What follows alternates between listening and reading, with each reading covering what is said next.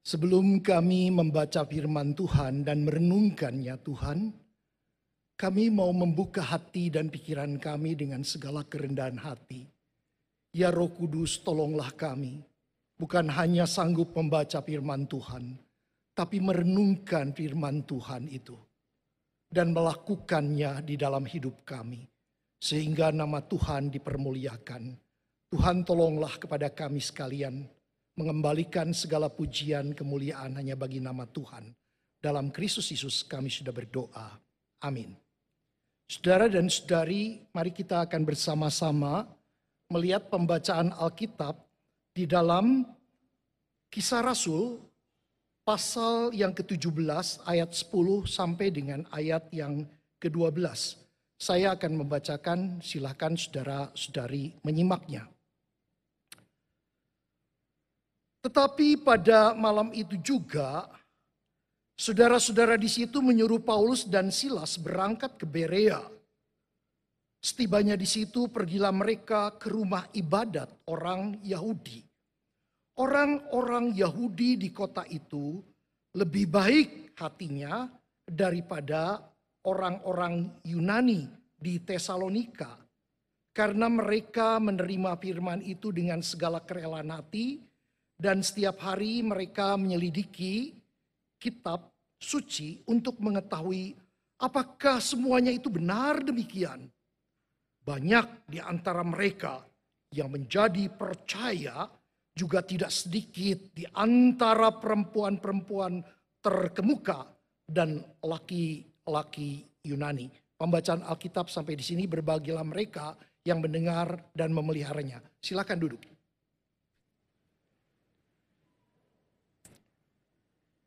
Saudara dan saudari yang dikasih oleh Kristus, kita mungkin pernah mendengar pepatah yang berbunyi seperti ini. Rajin, pangkal, pandai. Hemat, pangkal, kaya. Pada masa yang lampau, saudara ada seorang ayah yang berpesan kepada dua orang anaknya. Dan pesannya ada dua, saudara.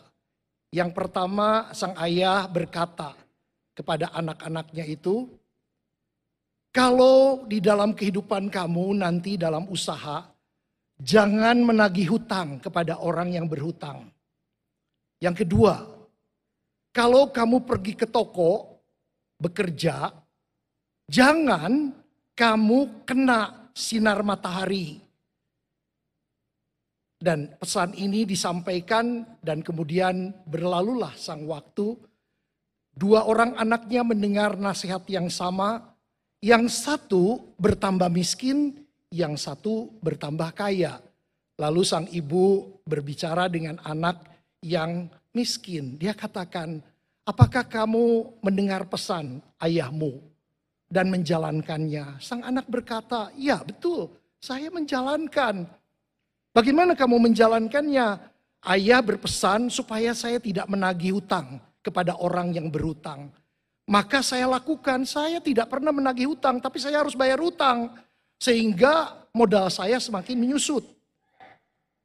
Lalu ayah juga berpesan, supaya saya jangan kena sinar matahari. Dan saya lakukan juga, saya kalau pergi ke, ke, ke, ke, ke toko, saya selalu naik beca. Ada waktu itu ya beca.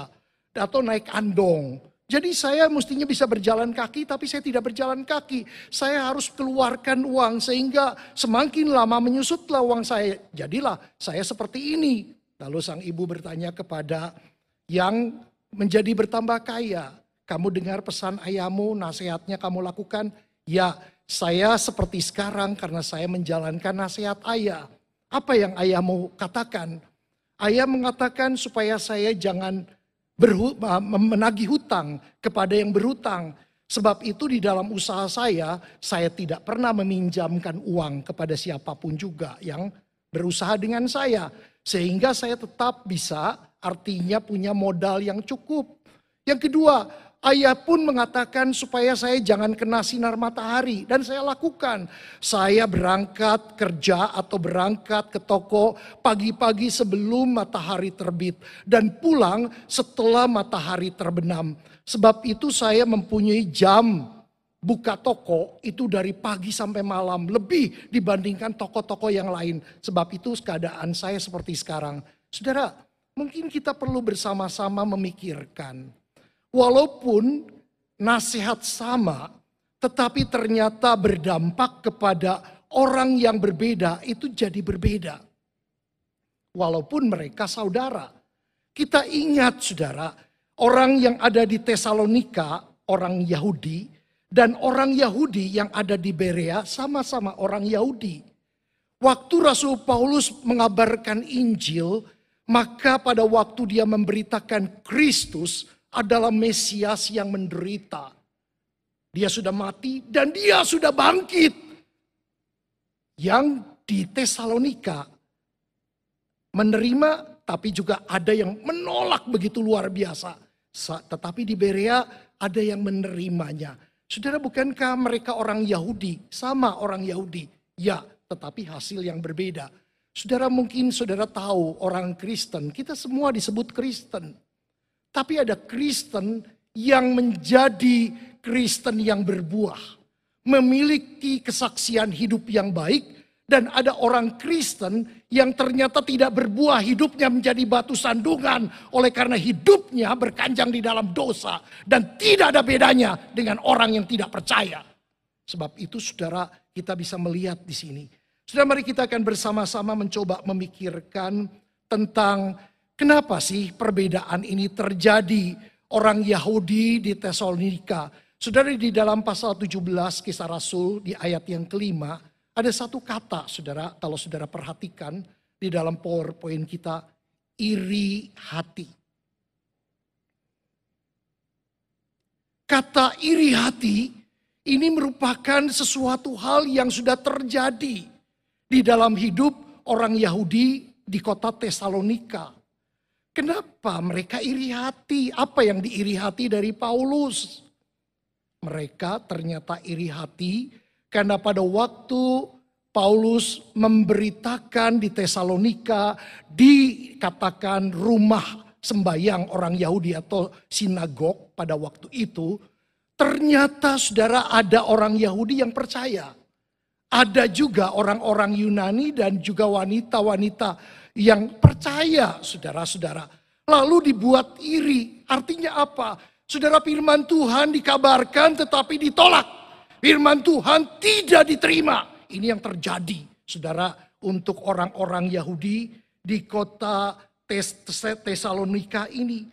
Kalau kita berbicara tentang hal ini, kita jelas sekali.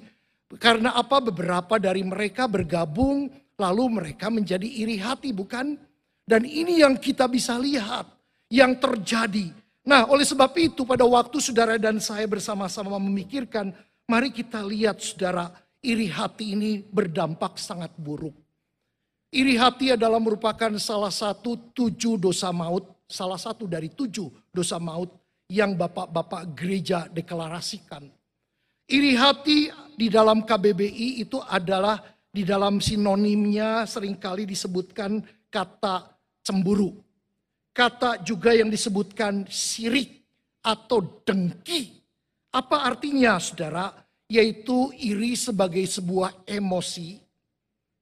Perasaan tidak senang dengan kebaikan orang lain, keberuntungan orang lain, membuat dirinya tidak suka. Dan itu yang disebut dengan iri hati entah keberuntungannya, entah prestasinya, entah uh, iri hati dengan hal yang lain. Banyak sekali saudara, ini yang bisa terjadi. Apalagi di era digital orang zaman now.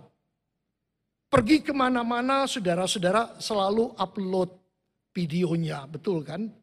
Makan, makanan enak, makanan yang tidak enak, terus dikeluarkan Pergi ke mana saja sebentar-sebentar saudara update lagi, update lagi.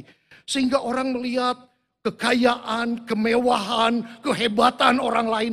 Membuat iri. Saudara itu yang bisa terjadi. kalau kita bersama-sama melihat di dalam Alkitab juga penuh ada catatan-catatan tentang orang-orang yang iri hati. Salah satunya, ingatlah saudara ketika dosa mulai ada di dalam dunia. Iri hati Kain kepada Habil. Iri hati dari saudara-saudara Yusuf kepada Yusuf. Kita juga ingat iri hati dari Maryam dan juga Harun kepada Musa. Kita juga ingat iri hati dari Saul kepada Daud. Bahkan di dalam perjanjian baru kita ingat Herodes. Itu pun menaruh iri hati mendengar berita dari orang majus raja bayi yang baru lahir yaitu Yesus Kristus. Saudara kalau kita juga lihat bagaimana di dalam kehidupan perjalanan pelayanan Tuhan Yesus ada orang-orang Parisi, imam-imam yang iri hati. Sebab itu iri hati ini akan bisa meliputi begitu banyak orang oleh karena rasa, emosi, tidak suka dan sebagainya menjadi sebuah kepahitan. Dan biasanya iri hati tidak cukup dengan sifat iri hati saja. Akan bertambah apa yang dia apa yang bertambah Saudara, yaitu akan diwujudkan dengan perbuatan perbuatan yang jahat. Kita lihatlah saudara, orang-orang Yahudi yang ada di Tesalonika ketika iri hati, mereka bergabung, mereka bekerja sama, mereka berkolaborasi dengan preman-preman yang dikatakan. Dan mulai mereka mengadakan keributan, mereka mengacau kota, petualang-petualang pasar. Alkitab katakan. Mereka mengadakan keributan dan mereka mentoleransi kekerasan terhadap Jason yang menerima Paulus dan juga menyerbu mereka dan seterusnya. Saudara kalau kita bersama-sama melihat ini yang membuat kegelisahan para pembesar di sana. Ini yang kita bisa lihat. Dan saudara jarak daripada Berea, dari Tesalonika ke Berea itu 50 mile lebih. Paulus pergi ke sana memberitakan Yesus sang Mesias. Orang-orang Yahudi di sana itu juga mengikuti saudara. Kenapa? Iri itu bisa membuat seseorang bisa melakukan apa saja. Itu iri saudara. Ini adalah merupakan sesuatu yang dikatakan seperti Paulus dalam Roma, dia berkata, orang-orang Yahudi ini banyak orang yang giat untuk Allah, tetapi tanpa pengertian yang benar. Sebab mereka tidak mengenal kebenaran Allah. Karena itu mereka berusaha mendirikan kebenaran mereka sendiri. Dan Kristus sebenarnya kegenapan hukum Taurat. Sehingga kebenaran diperoleh tiap-tiap orang-orang yang percaya. Itu yang seharusnya saudara. Iri hati adalah masalah hati. Sebab itu kalau kita mendengar sebuah pernyataan bahwa dari hati saudara kita mulai keadaannya menjadi sedemikian rupa. Saudara, kita tahu di dalam Alkitab, Raja Salomo seorang yang sangat bijaksana membongkar kejahatan iri hati. Ketika dia menyelesaikan problema persoalan dua orang perempuan sundal yang berebut bayi. Mereka dua-duanya dikatakan melahirkan bayi, Lalu yang satu itu meninggal dunia karena tertiduri oleh uh, ibunya. Tetapi ibunya yang melihat anaknya meninggal menukarkan dengan temannya. Sehingga pada waktu ini terjadi mereka kemudian cekcok mulai ribut. Lalu membawa permasalahannya ke Raja Salomo. Raja Salomo mengatakan berikan saya pedang. Biar saya bagi bayi ini menjadi dua bagian semua puas bukan? Satu setengah, yang satu juga dapat setengah begitu. Tapi si ibu mengatakan jangan, kasih saja dengan dia, itu bayi saya. Tapi berikan saja daripada dipenggal jadi dua, lebih baik diberikan. Dan Salomo membongkar. Membongkar apa? Saudara iri hati begitu dahsyatnya di dalam kehidupan manusia. Di dalam kehidupan diri kita. Bisa saja saudara iri hati lihat tetangga bisa lebih beruntung rasanya melihat orang lain lebih baik, melihat orang lain lebih sehat, lebih sukses. Dan kita mulai berpikir bisa saja iri hati. Sebab itu saudara diingatkan iri hati itu sangat berbahaya. Sangat berbahaya. Salomo di sini mengatakan sebuah hal yang sangat jelas sekali. Berikan kepada ibu bayi yang sebenarnya menerima tetapi saudara ada dosa yang kita bisa lihat. Yang pertama, saudara kalau saudara pertama iri hati itu saudara bisa menjadi orang bisa mengambil milik orang lain. Menukarkan saudara. Milik orang lain diambil. Tetapi yang kedua juga saudara bukan hanya seperti itu. Tetapi dia rela berbohong itu anaknya. Dia mengaku-ngaku dan dia sebarluaskan bahkan dia berdebat di depan raja. Saudara bisa bayangkan. Itu iri hati. Saudara juga kalau saudara perhatikan, itu bukan hanya seperti itu. Dia setuju, oh anak daripada wanita yang lain itu dibelah, saudara. Iri hati begitu kejam. Iri hati begitu dahsyat. Dan itu yang sudah terjadi di dalam kehidupan orang-orang Yahudi di Tesalonika. Begitu marah kepada Paulus, begitu benci dengan berita Kristus Mesias. Maka mereka ingin menghancurkan. Saudara mari kita akan melihat bagian yang kedua. Saudara pada waktu kita bersama-sama melihat kalau begitu saudara dikatakan orang-orang eh, Yahudi di Berea hatinya lebih baik dibandingkan dengan orang yang di Tesalonika. Saudara di sini dipakai kata yaitu lebih baik hatinya dalam bahasa Indonesia. Di dalam bahasa Inggris, saudara dipakai kata yang kalau saudara dan saya perhatikan itu disebut more noble, lebih mulia. More noble character, karakter yang lebih mulia. Terjemahan yang lain lagi dalam bahasa Inggris dikatakan more noble minded, mempunyai pikiran yang lebih mulia. Tuhan melihat orang-orang Yahudi di Berea itu hatinya lebih mulia. Lebih saleh, lebih baik. Saudara, kalau kita melihat secara spiritual seperti ini, apa artinya saudara? Yaitu orang-orang Yahudi di Beria lebih menghormati firman Tuhan. Lebih menghargai firman Tuhan.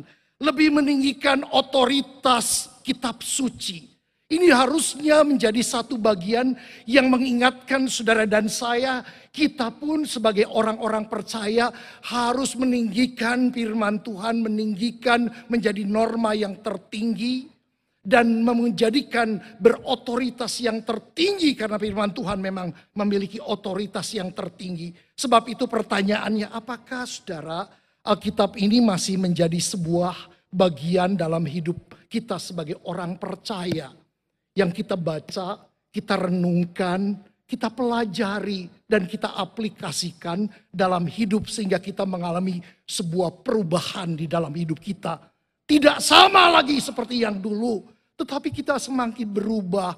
Alkitab mengatakan harus menjadi semakin serupa dengan Kristus. Saudara tidak mungkin kalau tidak dimulai dengan membaca Alkitab dan merenungkan firman Tuhan. Mazmur pasal 1 mengatakan dengan sangat jelas.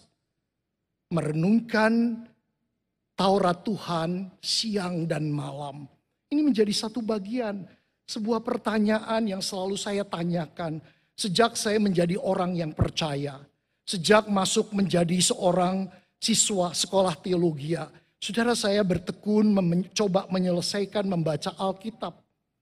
Bukan hanya sekali, berpuluh-puluh kali saya coba membaca dan menyelesaikannya dan terus membaca.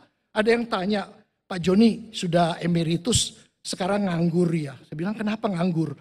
Kan gak melayani lagi. Saya bilang enggak, hidup saya tetap saya tetap membaca Alkitab, saya tetap membaca buku, saya tetap mendoakan jemaat walaupun tidak ada di dalam struktur, saya berdoa. Kalau ada yang ingin konseling, saya layani. Dan saya banyak melakukan segala sesuatu berkomunikasi dengan orang lain. Olahraga pun saya tetap mengasuh cucu, iya tambahan lagi sekarang. Begitu, saudara, kita seharusnya tahu bahwa kebenaran firman Tuhan sebagai otoritas tertinggi, kita harus cintai, kita harus sungguh-sungguh jalani dengan hal yang seperti itu. Saudara kalau saudara dan saya melihat itu adalah karena mereka dikatakan beberapa hal disebutkan lebih mulia atau lebih baik hatinya pertama. Pada waktu mendengar, membaca firman Tuhan, mereka itu menerima dengan kerelaan hati.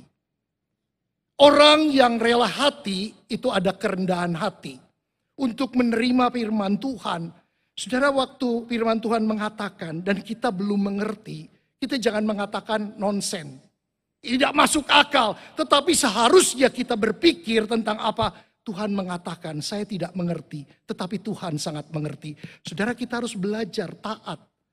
Trust and obey. Itu harus menjadi satu bagian di dalam perjalanan hidup iman kita. Oleh sebab itu ketika disebutkan mereka adalah orang-orang yang lebih mulia baik hatinya, karena apa? Karena mereka punya hati yang terbuka, pikiran yang terbuka. Mereka lebih rohani sehingga mereka bisa menerima firman Tuhan. Lalu kita bisa lihat mereka tidak diindoktrinasi oleh Paulus. Mereka bukan dibujuk untuk mendapatkan sesuatu, tidak. Tetapi mereka diajak untuk belajar firman Tuhan, menggali dan menggali. Dan ini yang penting sekali. Saudara, yang kedua, lebih baik atau mulia hatinya itu karena mereka rela merendahkan diri atau merendahkan hati. Kita ingat, orang-orang Yahudi itu sangat bangga saudara dengan keyahudiannya. Ya semua orang harus bangga. Saudara dan saya pun dilahirkan sebagai suku apa, kita tetap harus bangga dengan ini. Tetapi kalau berkelebihan, seperti orang-orang Yahudi, aku umat Allah. Umat yang tidak mungkin dibuang oleh Allah. Saudara salah. Ini yang mereka merasa tinggi, tetapi orang-orang Yahudi di Berea ini justru berbeda sekali. Dikatakan mereka rela merendahkan dirinya, hatinya, dengan dikatakan menerima firman Tuhan dengan kerelaan. Bukan hanya dengan kerelaan, tetapi juga dikatakan mereka sedemikian rupa. Nah saudara, kalau saudara bisa memperhatikan, setiap hari dikatakan mereka itu juga merenungkan firman Tuhan, bukan? Artinya di dalam perjalanan hidupnya bukan menerima saja, tetapi saudara mereka itu mengambil satu langkah, yaitu menyelidiki Alkitab setiap hari.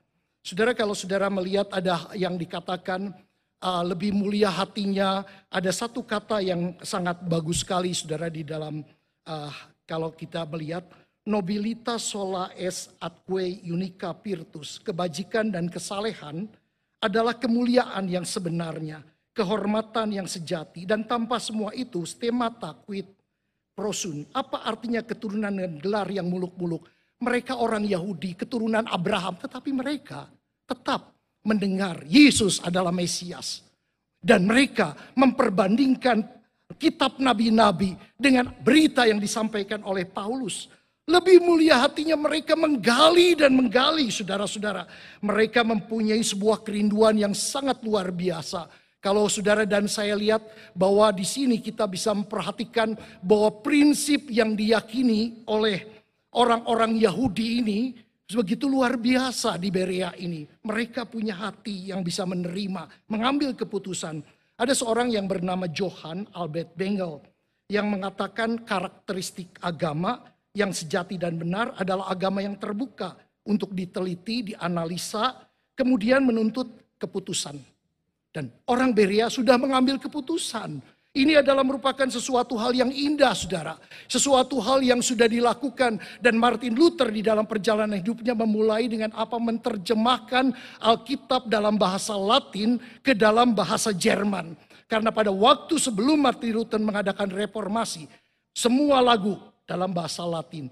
Alkitab bahasa Latin, khotbah dalam bahasa Latin. Saudara, pada waktu Martin Luther itu mengadakan sesuatu, eh, dikatakan reformasi, semua orang itu harus bersama-sama untuk menggali, belajar Alkitab, sungguh-sungguh mendekatkan diri kepada Tuhan. Karena apa? Yang dikatakan oleh Rasul Paulus, satu perkataan yang sangat penting sekali. Saudara Rasul Paulus mengatakan bahwa di dalam Roma dikatakan Injil itu kuasa Allah yang menyelamatkan. Orang-orang percaya. Injil itu kuasa yang menyelamatkan. Yang harus tetap kita beritakan karena otoritasnya. Dan juga saudara-saudara bukan hanya itu. Dikatakan segala tulisan yang diilhamkan Allah memang bermanfaat untuk mengajar, untuk menyatakan kesalahan, untuk memperbaiki kelakuan, dan untuk mendidik orang dalam kebenaran. Saudara dan saya, ketika saudara membaca 2 Timotius pasal 3:16, ini berlaku seumur hidup kita. Saya adalah pendeta emeritus, Pak Musa pendeta emeritus. Kita belum selesai. Kita harus terus mau diperbaiki, diperbaiki, diterangi sehingga di dalam hidup kita segala kemuliaan bagi nama Tuhan. Pertanyaannya, Saudara, semakinkah kita rindu untuk bertumbuh, membaca firman Tuhan, mengalami transformasi hidup kita. Semakin kita diubahkan, semakin kita mengasihi Tuhan dan mengasihi firman-Nya. Dan tetap mengatakan otoritas yang tertinggi itu adalah firman Tuhan. Yang menjadi norma di dalam kehidupan saudara dan saya. Kita berdoa. Bapa di dalam surga terima kasih kami bersyukur karena di dalam kehidupan kami Tuhan menerangi hidup kami ini melalui firman Tuhan. Karena tanpa terang tidak mungkin orang hidup. Sebab itulah firman yang hidup itu memberikan kami kehidupan. Tuhan tolonglah jemaatmu di GKI Sunter yang saat ini bisa beribadah di gereja ataupun yang di rumah. Sungguh-sungguh diberkati oleh Tuhan, digerakkan oleh roh kudus, ditolong sehingga kami bukan hanya menjadi pendengar yang baik, tetapi pelaku firman Tuhan yang baik. Terpujilah nama Tuhan dalam Kristus Yesus kami sudah berdoa. Amin.